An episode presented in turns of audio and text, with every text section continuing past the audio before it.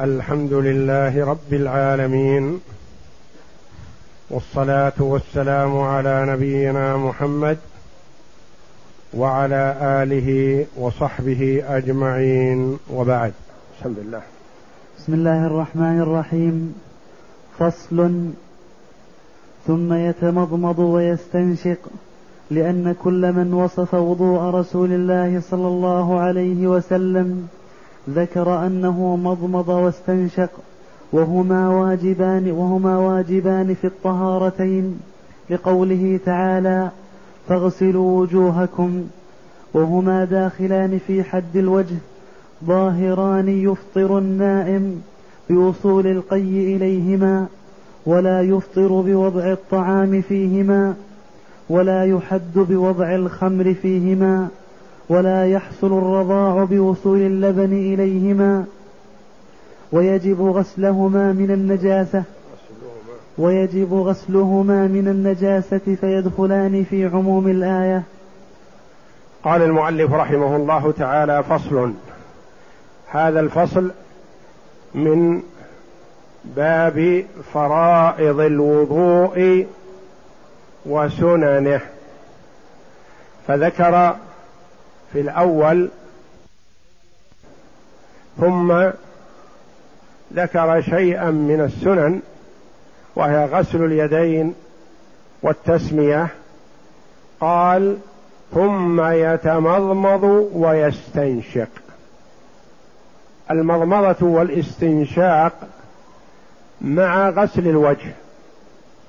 قد يقول قائل الله جل وعلا قال فاغسلوا وجوهكم ولم يذكر المضمضة ولا الاستنشاق.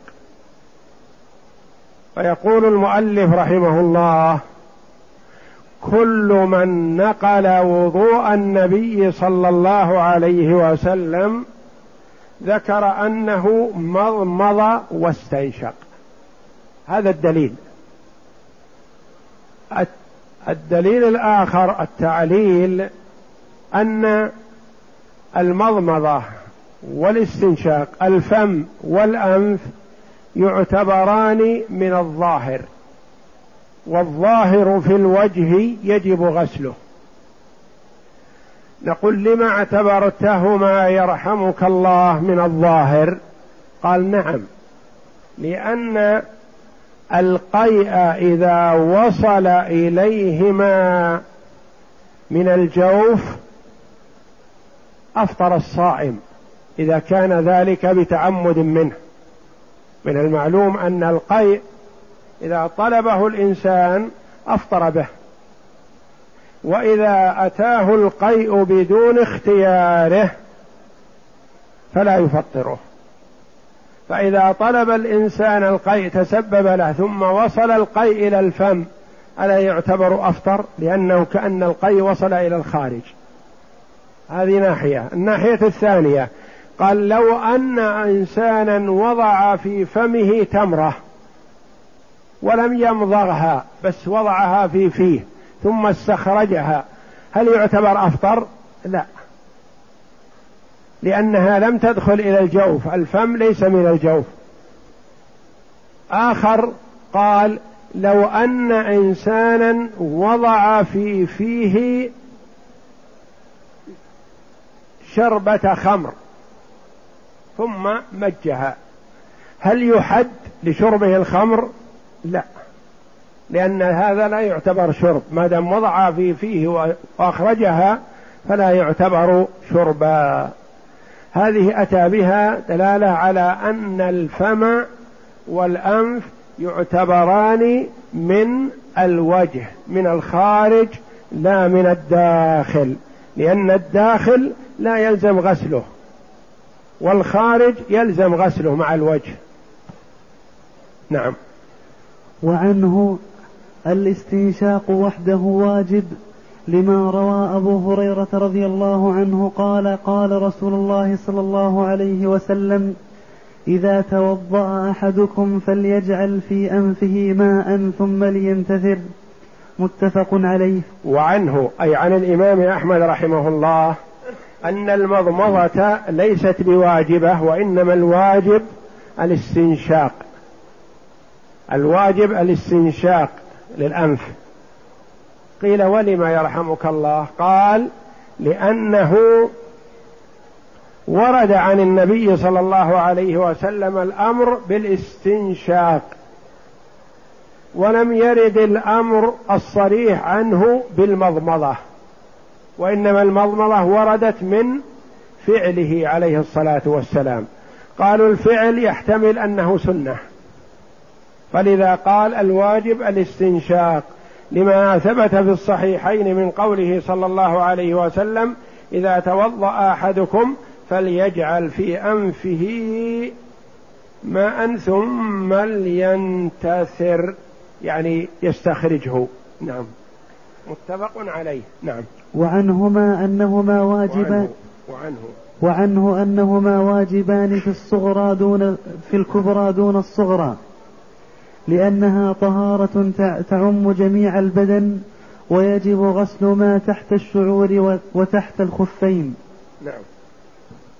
وعنه رواية ثالثة عن الإمام أحمد رحمه الله قال المضمضة والاستنشاق تجبان في الطهارة الكبرى في الحدث الأكبر عند الاغتسال من الجنابة أو الاغتسال من الحيض. أو الاغتسال من النفاس هكذا تجب. وإلا فالوضوء فلا تجبان. لما؟ قال لأن لأنه يجب في الغسل من الجنابة وما شابهه ما لا يجب في الوضوء. لأنه في الغسل من الجنابة يجب غسل ما تحت الخفين ما يكفي المسح. فالطهارة من الحدث الأكبر أقوى وأمكن. بخلاف الوضوء فيمسح على الخفين فالمضمضة والاستنشاق سنة. ما تحملون الأمر؟ في فلينتثر قال للاستحباب. ويستحب المبالغة فيهما إلا أن يكون صائما. لأن الرسول صلى الله عليه وسلم قال للقيط ابن صبرة وبالغ في الاستنشاق إلا أن تكون صائما. نعم. حديث صحيح. وصفته. وصفته المبالغة في اجتذاب الماء بالنفس إلى أقصى بالنفس, بالنفس إلى أقصى الأنف ولا يجعله سعوطا وفي المضمضة إدارة الماء في أقصى الفم ولا يجعله وجورا. وجورا. وجورا. نعم ويستحب المبالغة فيهما. يعني يستحب أن يبالغ في المضمضة والاستنشاق إلا في حالة واحدة. ما هي؟ حالة كونه صائما. لا تبالغ. لأن النبي صلى الله عليه وسلم قال للقيط بن صبرة وبالغ في الاستنشاق إلا أن تكون صائما. يعني إذا كنت صائم فلا تبالغ. خشية أن يصل الماء إلى الحلق. وإنما بالغ في, الم... في الاستنشاق إذا كنت مفطرا. فيستحب المبالغة. طيب ما هي المبالغة يرحمك الله؟ قال وصفة المبالغة اجتذاب الماء بالنفس إلى أقصى الأنف. يعني يجعل الماء في كفه عند مدخل الأنف فيستجلبه بنفسه إلى أعلى. ولا يجعله سعوطا. السعوط ما هو؟ هو القطرة التي تقطر في الأنف. لو شخص قال ما استنشق مثلا عطنا قليل من الماء نقط نقطة هنا ونقطة هنا ويكفي. نقول لا ما يكفي هذا لأن هذا ما هو استنشاق. هذا سعوط. الاستنشاق استنشق الماء وانثره أخرجه. يعني عبارة غسل. وأما هذا فهو شرب. وفي المضمضة إدارة الماء في أقاصي الفم. يعني المضمضة يرج ويمج الماء داخل فمه بقوة ثم يستخرجه.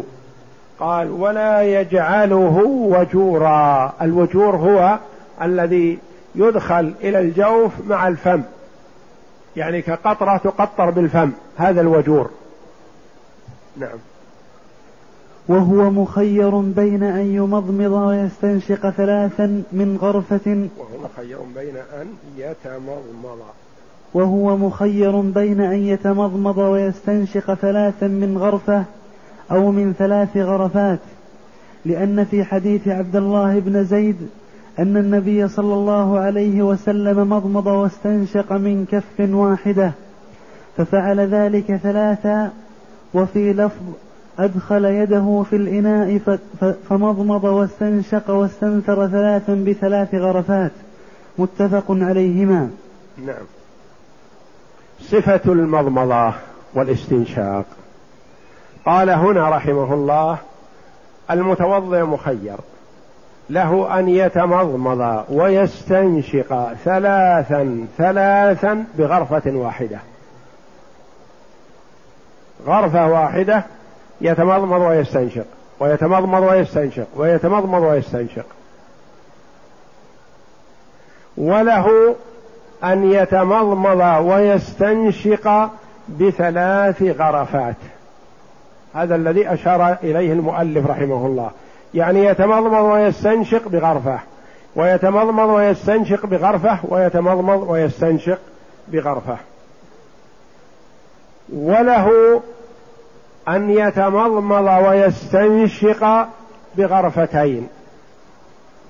وله أن يتمضمض ويستنشق بست غرفات. لا حرج. بواحدة يتمضمض ويستنشق ويتمضمض ويستنشق ويتمضمض ويستنشق. ست مرات في غرفة واحدة. وله أن يجعلها في غرفتين. غرفة للمضمضة ثلاث مرات وغرفة للاستنشاق ثلاث مرات. وله أن يجعلها ثلاث مرات لكل غرفة مضمضة واستنشاق ثم مضمضة واستنشاق ثم مضمضة واستنشاق.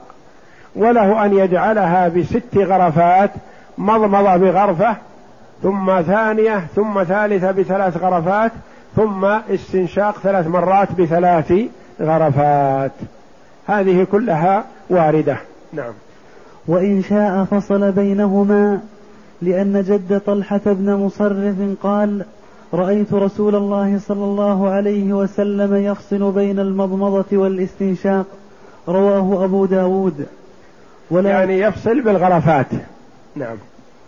ولا يجب الترتيب بينهما وبين الوجه لأنهما منه لكن تستحب البداءة بهما اقتداء برسول الله صلى الله عليه وسلم. ولا يجب الترتيب بينهما وبين الوجه يعني عندك المضمضة والاستنشاق وغسل الوجه. الأفضل أن تبدأ بالمضمضة ثم الاستنشاق ثم غسل الوجه. فإن بدأت بالاستنشاق ثم المضمضة ثم غسل الوجه فلا بأس. وإن بدأت بغسل الوجه ثم المضمضة ثم الاستنشاق فلا بأس. وإن بدأت بالوجه ثم الاستنشاق ثم المضمضة فلا بأس. يعني لا يلزم الترتيب بين هذه الثلاثة. في أيها بدأت فلا بأس. لكن الأفضل أن تقتدي بالنبي صلى الله عليه وسلم. ما هو فعل النبي صلى الله عليه وسلم؟ المضمضة ثم الاستنشاق ثم غسل الوجه. نعم. فصل. ثم يغسل وجهه وذلك فرض بالإجماع لقوله تعالى فاغسلوا وجوهكم. وحده من منابت شعر الرأس المعتاد إلى من حدر من اللحي من اللحيين والذقن طولا. والذقن. والذقن طولا. ومن الأذن إلى الأذن عرضا. ولا اعتبار بالأصلع الذي ينحسر شعره عن ناصيته و وإلا الأفرع ولا, ولا الأفرع. ولا الأفرع الذي ينزل شعره على جبه على جبهته. نعم. ثم بعد المضمضة والاستنشاق يغسل وجهه. وذلك فرض بالإجماع لا إشكال فيه. بخلاف المضمضة والاستنشاق ففيهما خلاف. كما سمعنا. أما غسل الوجه فلا خلاف فيه بإجماع المسلمين لأنه نص الآية الكريمة في قوله تعالى فاغسلوا وجوهكم. وما هو الوجه؟ حده. قال من منابت شعر الرأس المعتاد إلى من حدر من اللحيين والذقن طولا ومن الأذن إلى الأذن عرضا. طيب نقول له يرحمك الله. بعض الناس شعر رأسه ينهدل على جبهته يأخذ جزء من الجبهة. وبعض الناس نصف رأسه أو ثلث رأسه لا شعر فيه كأنه من الوجه. قال لا اعتبار بهذا ولا بهذا المهم المعتاد. المعتاد المنحسر شعر رأسه مثلا هذا ما يلزمه أن يغسل إلى حد الشعر. يغسل وجهه وجزءا من رأسه لا. وإنما يغسل إلى نهاية الجبهة. الذي شعره نازل على جبهته وقد غطى نصف الجبهة مثلا لا اعتبار به. اغسل إلى نهاية الجبهة. حتى لو كان بعض الشعر على الجبهة يلزمك أن تغسل الجبهة كلها. لا اعتبار بهذا ولا بهذا وإنما المهم والاعتبار بعامة الناس بالوساط. نعم. فإن كان في الوجه شعر كثيف يستر البشرة لم يجب غسل ما تحته لأنه باطن أشبه أقصى الأنف. نعم. فإن كان في الوجه شعر كثيف اللحية العارضين والذقن قد تكون خفيفة وقد تكون آه، كثيفة. كثيفة تغطي البشرة تغطية كاملة. هل يلزم أن يدلك الشعر حتى يوصل الماء إلى البشرة؟ لا. قال إذا كان الشعر كثيف فيغسل ظاهره فقط ويكفي. ويستحب كما سيأتينا يستحب تخليله. تخليل مستحب لكن لا يلزم أن يصل الماء إلى البشرة. لأنه ربما لا يصل الماء إلى البشرة إلا بمشقة لأن الشعر كثير وكثيف مغطن البشرة قال لأنه باطن أشبه أقصى الأنف. كما أن أقصى الأنف لا يلزم غسله لأنه بعيد فكذلك العارض إذا غطي بالشعر الكثيف فلا يلزم غسل البشرة وإنما يغسل ظاهر الشعر. نعم. ويستحب تخليله لأن النبي صلى الله عليه وسلم خل لحيته. خلل. خلل لحيته. نعم. وروى أنس رضي الله عنه أن النبي صلى الله عليه وسلم كان إذا توضأ أخذ كفا من ماء فأدخله تحت حنكه فخلل به لحيته وقال هكذا أمرني ربي عز وجل. رواه أبو داود. نعم. ويستحب تخليله. يعني يغسل ظاهره هذا واجب لكن كونه يدخل أصابعه فيه مبلولة بالماء هذا استحباب. يستحب. وكذلك اللحية. يدخل يأخذ كفا من ماء ويدخله استحبابا يخلل به لحيته الكثيفة. لما روى أنس رضي الله عنه أن النبي صلى الله عليه وسلم كان إذا توضأ أخذ كفا من ماء وجعله تحت لحيته وخلل اللحية به. نعم. وإن كان يصف البشرة وجب غسل الشعر والبشرة. وإن نعم, نعم. وإن كان, وإن كان بعضه خفيفا وبعضه كثيفا وجب غسل ظاهر الكثيف. وبشرة الخفيف معه. نعم. وسواء و... نعم. وسواء وسواء وسواء في هذا شعر اللحية والحاجبين والشارب والعنفقة نعم. لأنها شعور معتادة في الوجه أشبهت اللحية وفي المسترسل من اللحية عن حد الوجه روايتان. إحداهما. لا يجب غسله لأنه شعر نازل عن الفرض أشبه الذؤابة في الرأس. والثاني يجب لأنه نابت في بشرة الوجه أشبه الحاجب ويدخل في حد الوجه ال... وإن كان يصف البشرة اللحية والشعر على العارضين واللحيين يختلف عند عن عند بعض الناس من بعض. بعض الناس شعر العارض واللحيين يغطي البشرة. ما ترى الجلد؟ البشرة هي جلدة الوجه. ما تراها لأن الشعر مغطيها تغطية كاملة. هذا هو الذي لا يلزم غسله بل يكفي تخليله. وبعض الناس شعر وجهه خفيف. ترى البشرة بين الشعر. هذا يجب غسل البشرة مع غسل الشعر لأنه خفيف. وإن كان بعضه كثيفا وبعضه خفيف. بعض الناس يكون جهة من وجهه شعرها كثيف وبعضها والجهة الأخرى أخف. أو العارضين كثيف واللحية خفيفة. أو اللحية كثيفة والعارضان خفيفان. فماذا عليه؟ عليه في الخفيف أن يغسل الشعر والبشرة وفي الكثيف يغسل الظاهر فقط ويخلل استحبابا. قال وسواء في هذا شعر اللحية والحاجبين. اللحية من العظم الناتئ في أعلى الوجه الموازن للأذن إلى من حدر من اللحيين والذقن طول طرف اللحيين. والحاجبان وهما اللذان فوق العينين. والعنفقة وهي التي بين اللحية والشفة السفلى. لأنها شعور معتادة في الوجه أشبهت اللحية. كذلك يعني يجب غسلها ظاهرها. والبشرة إذا كانت خفيفة. وإذا كان الشعر في هذه كثيفا فغسل الظاهر فقط يكفي. وفي المسترسل من اللحية عن حد الوجه روايتان.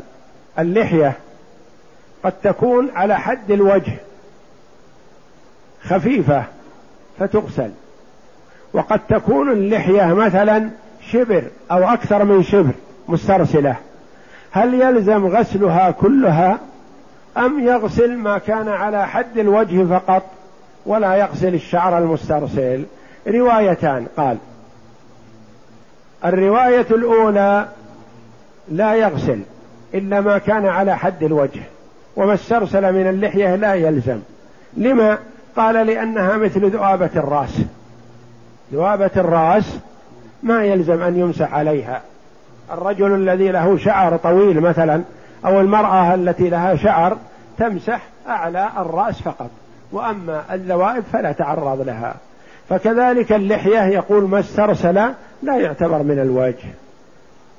الرواية الثانية قال تغسل لأنها شعر مسترسل نابت على بشرة الوجه فيغسل مع الوجه. قولان. نعم. ويدخل في حد الوجه العذار وهو الشعر الذي على العظم الناتي سمت صماخ سمت. سمت صماخ الأذن إلى الصدغ إلى الصدغ. إلى الصدغ والعارض الذي تحت العذار والذقن والذقن. والذقن وهو مجتمع اللحيين. نعم. ويدخل في حد الوجه العذار. وهو الشعر الذي على العظم الناتئ سمت صماخ الأذن إلى الصدغ والعارض التي تحت العذار والذقن ذكر لنا ثلاث مسميات. العذار وهو العظم الناتئ الذي على وزن أعلى الإذن. سماخ الإذن يعني وسط الإذن عبارة. هذا بين الذي هو حد اللحية. العظم الناتئ في أسفل العارض ثم يأتيه بعد ذلك العارض العارض ثم يأتي أسفلهما اللحية أو اللحيين وهو ملتقى العظمين من أسفل. هذه ثلاثة مسميات كلها تعتبر من الوجه. العذار والعارض والذقن وهو مجمع العظمين في أسفل الوجه. كل هذه تعتبر من من الوجه مما يجب غسله. نعم. ويخرج منه النزعتان وهما ما ينحسر عنهما الشعر في فؤد الرأس لأنهما من الرأس لدخولهما فيه. والصدغ وهو والصدغ وهو الذي عليه الشعر في حق الغلام محاذ لطرف الأذن الأعلى. نعم. قال ويخرج منه النزعتان النزعتان ما هما النزعتان النزعتان هما التي ينحسر عنهما شعر الرأس في جانبي الجبهة من أعلى. تدخلان وليس فيهما شعر. يظن الظان بأنهما من الوجه وليس من الوجه هذه. وإن كان لا شعر فيها فهي تعتبر من الرأس. والصدغ الصدغ هو هذا الذي هو فوق العذار. فوق العذار يعتبر هذا الصدغ وهذا وفي الرجل صدغان صدغيه الذين هم اللذين هما على وزن أعلى الأذن. هذا ما يدخل في الوجه لأنه غالبا ما يكون مكسو بالشعر. والصدغ وهو الذي عليه الشعر في حق الغلام. في حق الغلام. انتبه. لما مثل بالغلام؟ يعني الغلام اللي ما طلعت له لحية. تجد شعره نازل قليل من جهة العذار. العذار من الوجه. ما فوق العذار قليلا يعتبر هذا من الرأس. يعني الولد الصغير اللي ما طلعت له لحية تجد شعره نازل قليلا. هذا الشعر النازل قليلا لا يعتبر من الوجه لأن هذا يعتبر من من شعر الرأس من الرأس. والصدغ وهو الذي عليه الشعر في حق الغلام الغلام الذي ما نبتت لحيته. محاذ لطرف الإذن من الأعلى لأنه شعر متصل بالرأس ابتداء فكان من الرأس. يعني هذا يعتبر من الرأس لا من الوجه نعم. لأنه شعر متصل بالرأس ابتداء فكان من فكان من الرأس كسائره. كسائر الرأس نعم. وقد مسحه النبي صلى الله عليه وسلم مع رأسه في حديث الربيع. الربيع. الربيع. قد مسحه يعني مسح الصدر. هذا الذي هو لأنه يأتي الرجل بيديه مبلولتين بالماء فيمسح بهما مقدم رأسه بما في ذلك الصدغ. فالصدغ يعتبر من الرأس وهو من الممسوح. نعم. ويستحب أن يزيد في ماء الوجه لأن فيه غضونا وشعورا ودواخل وخوارج. نعم. ويستحب أن يزيد في ماء الوجه. يعني ماء الوجه يجعل فيه إذا غسل وجهه لا يجعله قليل جدا لأن فيه غضون يعني مصافط. ما هو كله منطلق. وشعور شعر كثيف وخفيف. ودواخل ارتفاع. وخوارج انخفاض. وهكذا لأن الشعر ليس كظهر الكف مثلا كله مستوي. فيه ارتفاع وانخفاض وبروز ومصافط.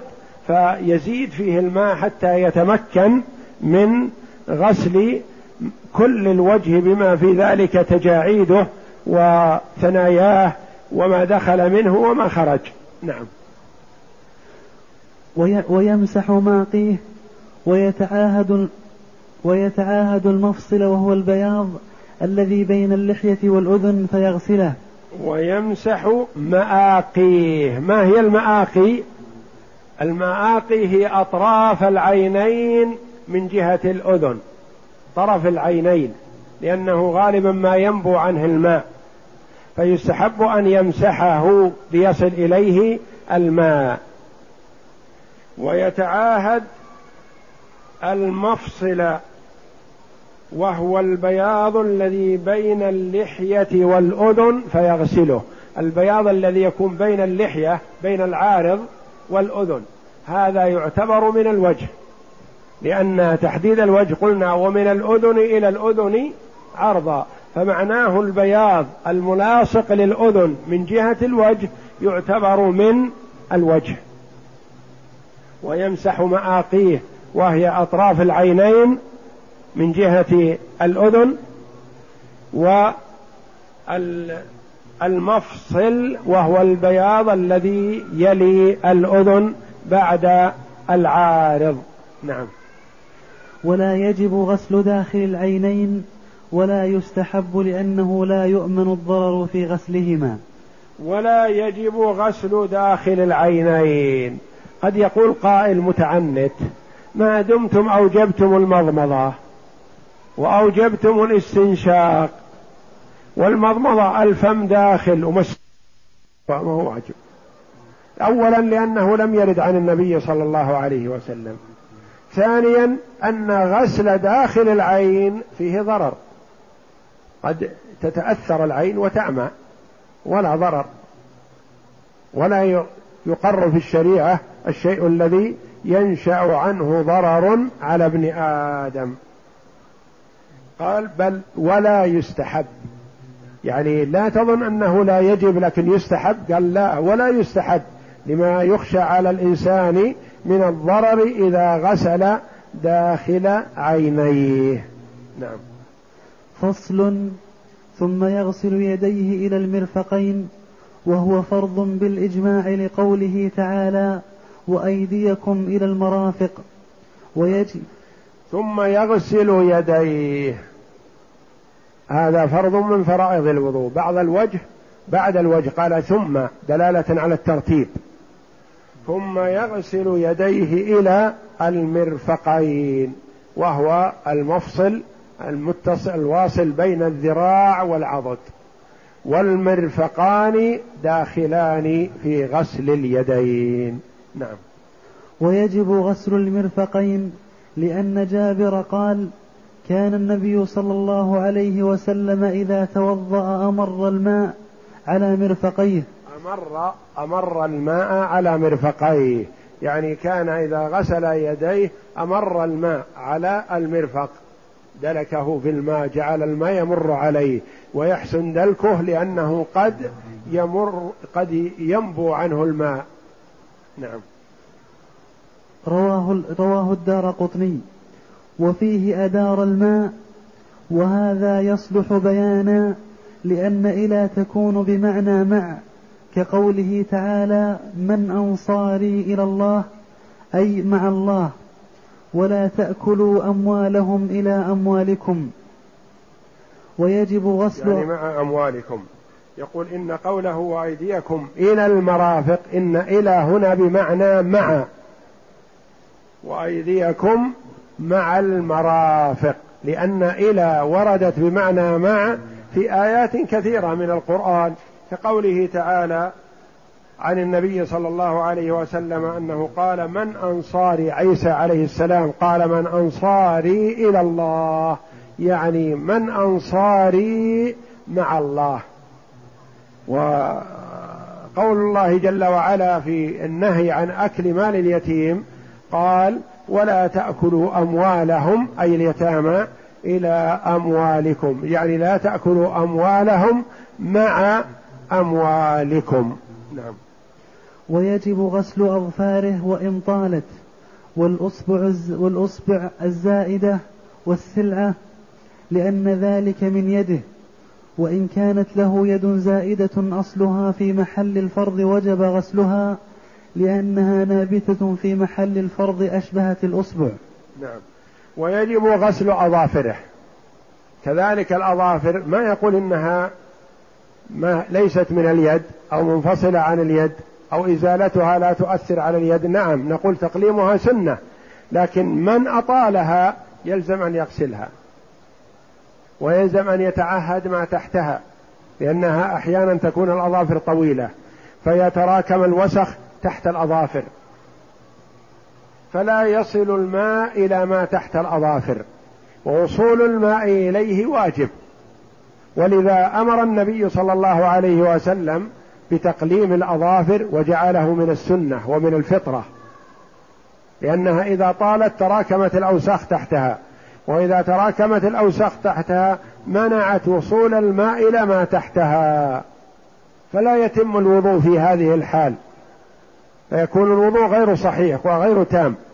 ولذا يلزم أن يتعهدها المرء اولا بالتقليم فإذا لم يقلم فليتعهد ما تحتها لا لا يكون فيه وسخ يمنع وصول الماء إلى البشرة.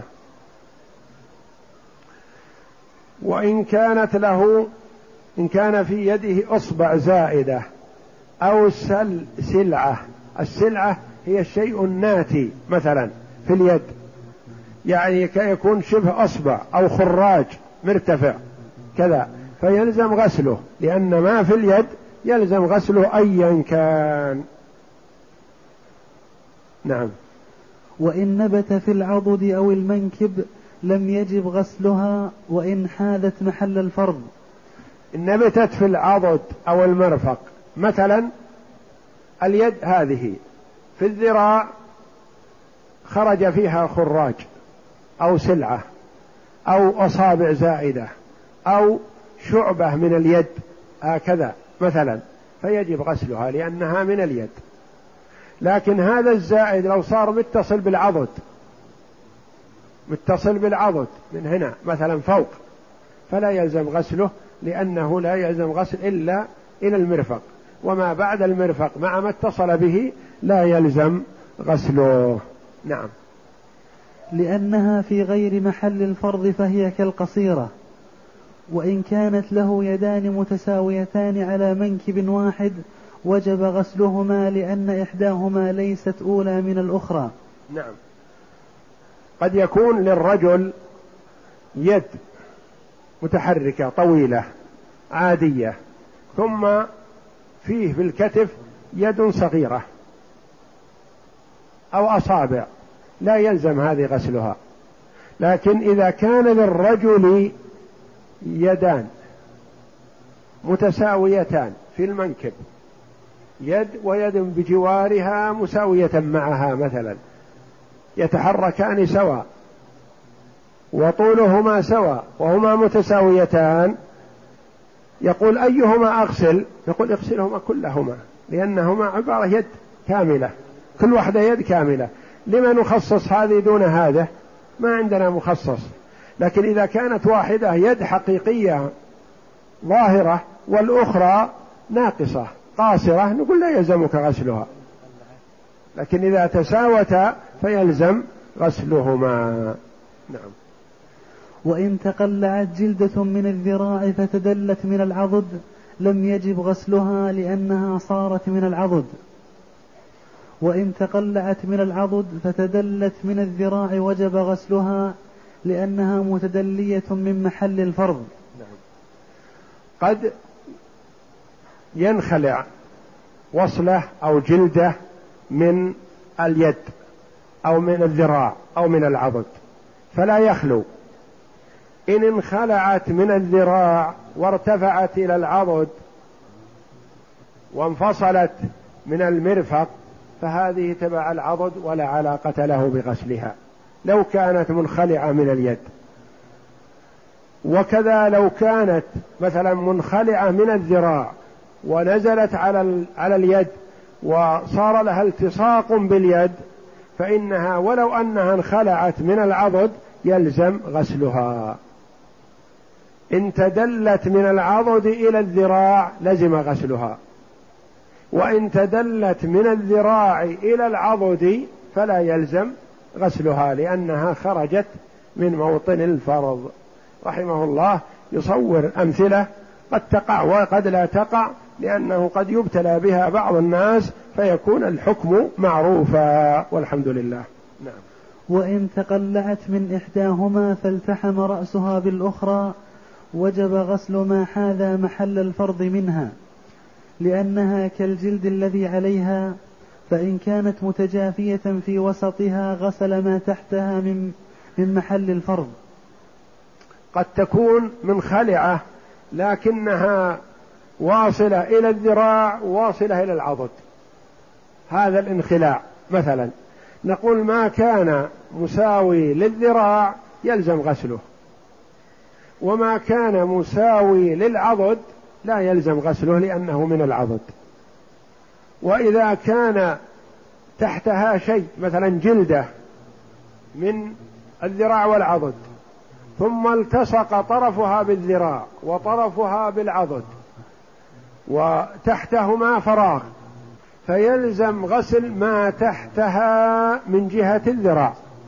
ولا يلزم غسل ما تحتها من جهة العضد لأنه لا يلزم غسله نعم وإن كان أقطع فعليه غسل ما بقي من محل الفرض فإن لم يبق منه شيء سقط الغسل ويسقط الغسل سقط الغسل ويستحب أن يمس أن يمس محل القطع بالماء لئلا يخلو العضو من طهارته. نعم. إذا كان مثلا مقطوع اليد من الكف يلزم غسل الذراع.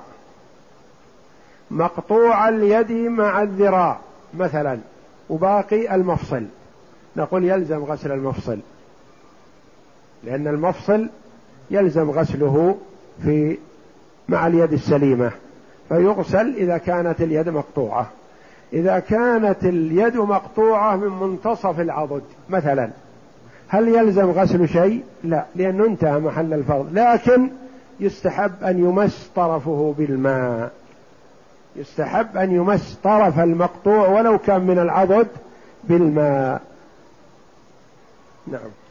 وتستحب البداءة بغسل اليمنى من يديه من يديه ورجليه لأن النبي صلى الله عليه وسلم كان يحب التيمن في ترجله وتنعله وطهوره. وفي شأنه كله متفق عليه. فإن بدأ باليسرى جاز لأنهما كعضو, كعضو واحد بدليل قوله سبحانه وأيديكم وأرجلكم فجمع بينهما. ويستحب البداءة بغسل اليمنى من يديه ورجليه. لو جاء يتوضأ مثلا نقول الأفضل أن تغسل اليد اليمنى ثم تغسل اليد اليسرى. إنسان مثلا بدأ بغسل اليسرى ثم غسل اليمنى. ما حكم وضوءه؟ الوضوء صحيح. لأن اليدين كعضو واحد. بدأ بهذا أو هذا إلا أن الأفضل أن يبدأ باليمنى. فلا يلزم لزوما أن يبدأ باليمنى وإنما يلزم غسلهما. لو بدأ باليسرى قبل اليمنى فلا بأس إلا أنه خلاف الأولى. فالأولى أن يبدأ باليمنى ثم اليسرى. لما؟ قال لأن النبي صلى الله عليه وسلم كان يحب التيمن في ترجله يعني تسريح شعره وتنعله لبس عليه. كان إذا لبس عليه لبس اليمنى أولا. وإذا رجل شعره يعني غسله أو آه، كده بالمشط بدأ بالجهة اليمنى وطهوره يعني غسل يديه ورجليه في الوضوء كان يتيامن. وفي شأنه كله يعني كل ما يستحب يستحب أن يبدأ باليمين. وكل ما يستكره يبدأ بالشمال. نعم. فصل ثم يمسح رأسه وهو فرض بغير خلاف لقوله تعالى وامسحوا برؤوسكم وهو ما نبت عليه الشعر المعتاد في الصبي من النزعتين ويجب استيعابه لقوله تعالى وامسحوا برؤوسكم والباء للإلصاق فكأنه قال امسحوا رؤوسكم وصار كقوله فامسحوا بوجوهكم وأيديكم منه. وأيديكم منه. قال ابن برهان من زعم أن الباء للتبعيض فقد جاء أهل اللغة بم أهل. اللغة ب... أهل اللغة بما لا يعرفونه. نعم. فصل ثم يمسح رأسه. وهذا فرض. من الفروض المجمع عليها لأنها منصوص عليها في الآية الكريمة في قوله تعالى وامسحوا برؤوسكم. قال وهو ما ينبت عليه الشعر المعتاد. هذا مثل ما تقدم لنا في الوجه. يعني مثلا إذا قلنا ما ينبت عليه الشعر فقط بعض الناس إلى منتصف شعر رأسه ما في شعر. ألا يلزم مسح المقدم؟ إلا بل يلزم. لأن هذا يلزم مسح ما ينبت عليه الشعر في غالب الناس. ولا عبرة بمن ينزل شعره إلى جبهته كما لا عبرة بمن ينحسر شعره عن مقدمة رأسه وإنما المعتاد قال في حق الصبي لأن الصبي ما فيه لحية مثلا يشكك فيها هل هذا من اللحية أو من الرأس؟ وكل ما ينبت فيه الشعر الصبي يمسح. مع النزعتين. النزعتين كما تقدم لنا هما الجانبان اللذان اللذان ينحصر ينحسر عنهما الشعر. في أعلى الجبهة يمينا وشمالا هذه تسمى النزعة وهي من الرأس مما يمسح. نعم. ويجب استيعاب المسح لأن الله قال جل وعلا قال وامسحوا برؤوسكم. قد يقول قائل الباء هنا للتبعيض. امسحوا ببعض رؤوسكم. نقول لا. قال ابن برهان من زعم أن الباء للتبعيض فقد جاء أهل اللغة بما لا يعرفونه. يعني خرق في اللغة خرقا. وألزم أهل اللغة بشيء لا يجيزونه لأن الباء في هذه الآية للإلصاق وليست للتبعيض. نعم. وظاهر قول أحمد قولي. قول أحمد أن المرأة يجزئها مسح مقدم رأسها لأن عائشة كانت تمسح مقدم رأسها وعنه في الرجل أنه يجزئه مسح بعضه لأن النبي صلى الله عليه وسلم مسح بناصيتيه وعمام وعمامته رواه مسلم. بناصيته وعمامته. هذا قول آخر. وظاهر قول أحمد أن المرأة يجزئها مسح مقدم الرأس. المرأة يكون عليها شعر كثيف مثلا. ماذا يلزمها في المسح؟ هل تنزل إلى أسفل الشعر؟ لا ما يلزم. وإنما يمسح تمسح مقدمة الرأس حتى تنزل اليد إلى فإذا وصلت إلى حد النزول تقف. يكتفى بهذا. يقول لأن عائشة رضي الله عنها كانت تمسح مقدم رأسها وعنه في الرجل حتى الرجل قال يجزئه أن يمسح المقدمة مقدمة الرأس ولا يلزم أن ينزل يده إلى أسفل إلى العلبات من الخلف. لأن النبي صلى الله عليه وسلم مسح بناصيته الناصية هي المقدمة مقدمة الرأس. وعمامته رواه مسلم. نعم. وكيفما مسح الرأس أجزأ بيد واحدة أو بيدين إلا أن المستحب أن يمر بيديه من مقدم رأسه إلى قفاه ثم يعيدهما إلى الموضع الذي بدأ منه لأن عبد الله بن زيد رضي الله عنهما قال في صفة وضوء النبي صلى الله عليه وسلم ثم مسح رأسه بيديه فأقبل بهما وأدبر مرة واحدة متفق نعم. عليه. يقول وكيفما مسح أجزاء؟ قد يأتيك قائل يقول هل يلزم أن أمسح بيدي كليهما؟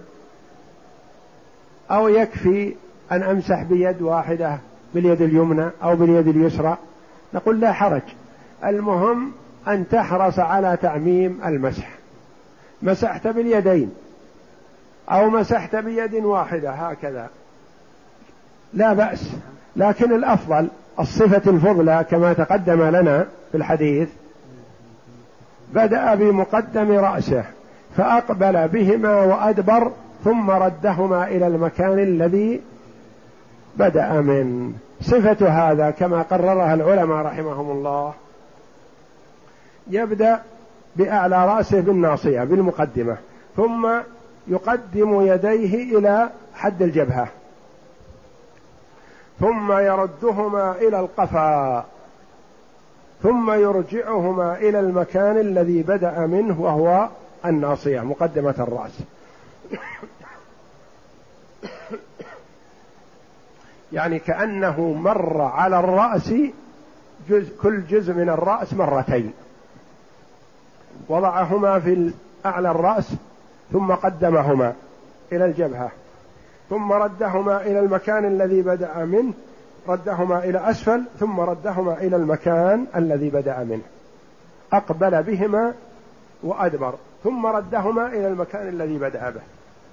يعني مر على رأسه كله بمسحة واحدة مرتين. نعم.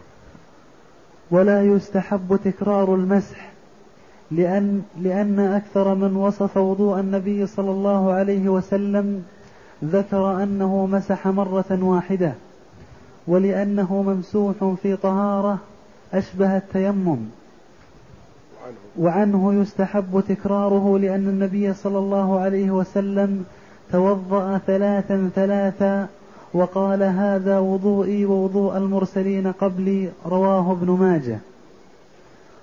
ولأنه أصل في الطهارة أشبه أشبه الغسل. نعم. ولا يستحب تكرار المسح. يمسح مرة واحدة وهذا هو المشهور وهو الراجح. لأن لو قلنا كرر المسح مرتين أو ثلاث أصبح مثل الغسل. كثر البلل على الرأس فأصبح مثل الغسل. والوارد في الرأس المسح. والذين نقلوا وضوء النبي صلى الله عليه وسلم نقلوا مسحه مرة واحدة ما قالوا ثلاثا. وإنما الألفاظ التي جاءت عامة أن النبي صلى الله عليه وسلم توضأ ثلاثا ثلاثا. نعم نقول توضأ ثلاثا ثلاثا الوجه واليدين والرجلين.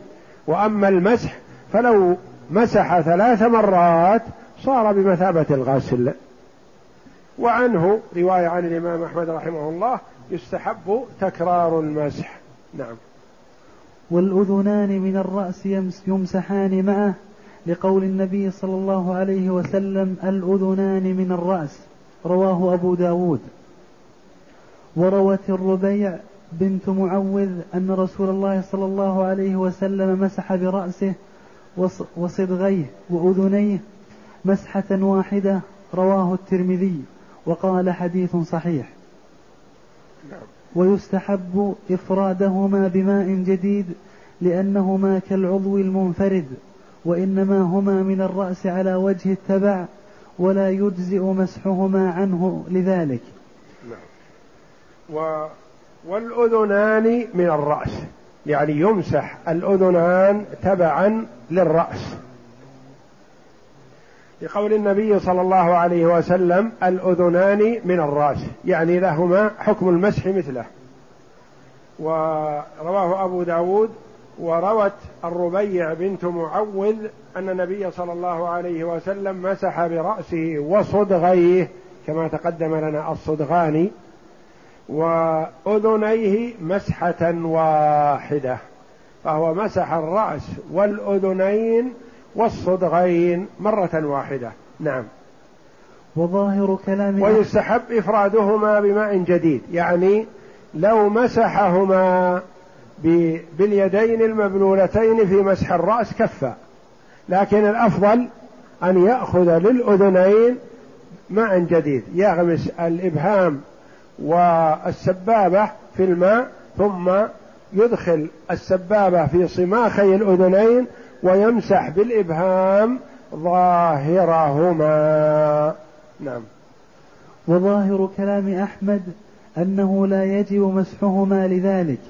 ويستحب أن يدخل سبابتيه في صماخي أذنيه ويجعل إبهاميه لظاهره لظاهرهما. ولا يجب مسح ما نزل عن الرأس من الشعر ولا يجزئ عن الرأس سواء رده فعقده فوق رأسه أو لم يرده.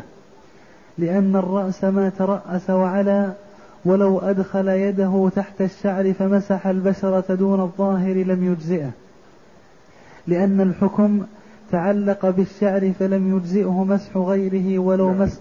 ولا يجب مسح ما نزل عن الرأس من الشعر. ما يجب. المرأة شعرها طويل مثلا والرجل قد يكون له شعر في الرأس فهل يلزم أن يمسح إلى أسفله؟ لا يمسح الرأس فقط ويقف ولا يمسح ما استرسل. لو مسح الأسفل ولم يمسح الأعلى. مسح ما استرسل من الشعر ولم يمسح أعلاه. ما أجزأ ولو أن المرأة جمعت مثلا شعر رأسها أسفله وجعلته فوق ثم مسحته ما أجزأها ذلك. لابد أن تمزح الشعر الذي على أعلى الرأس لا ما استرسل منه. تأمل أعلى الرأس وسط الرأس مثلا هذا الممسوح. المرأة رفعت أسفل شعرها وجعلته فوق مثلا ثم مسحت. أين يكون المسح؟ سيكون المسح على ما استرسل من الشعر. ما يجزي هذا. لابد أن تمسح أعلى رأسها والشعر الذي عليه. لا ما استرسل وكان أسفل حتى لو ردته على رأسها. فليتنبه لهذا. نعم. ولو مسح رأسه ثم حلقه أو غسل عضوا ثم قطع جزءا منه أو جلده لم يؤثر في طهارته لأنه ليس ببذل عما تحته. ببدل ببدل عما تحته فلم يلزمه بطهوره طهارة. فإن أحدث بعد ذلك غسل ما ظهر لأنه صار طاهرا فتعلق الحكم به. ولو نعم. لو مسح رأسه هذا يحصل كثير مثلا. يتوضأ الإنسان ويمسح أعلى رأسه مثلا. ثم يذهب إلى الحلاق ويحلق رأسه. قد يقول له جاهل مثلا المكان الذي مسحته راح. الشعر راح. أصبح رأسك غير ممسوح. فوضوءك غير تام. نقول لا يا أخي أنت أتممت وضوءك في الأول فوضوءك تام وحلقك لرأسك مأذون لك فيه ولا ينتقض وضوءك بحلق ولو ظهرت البشرة. لكن إذا توضأت مرة أخرى فامسح الموجود. لكن وضوءك الأول تام وصحيح. نعم. ولو حصل في بعض أعضائه شق أو ثقب لزمه غسل غسله لأنه صار ظاهرا. لو حصل في بعض أعضائه شق أو ثقب مثلا انفتح فتحة مثلا في اليد أو في الرجل مثلا فيها شطب وانفتح واسع فيلزم غسله لأنه أصبح ظاهر.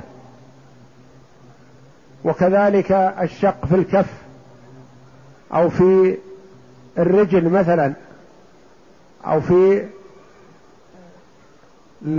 ظهر القدم ونحو ذلك فيلزم غسله لأنه يعتبر من الظاهر.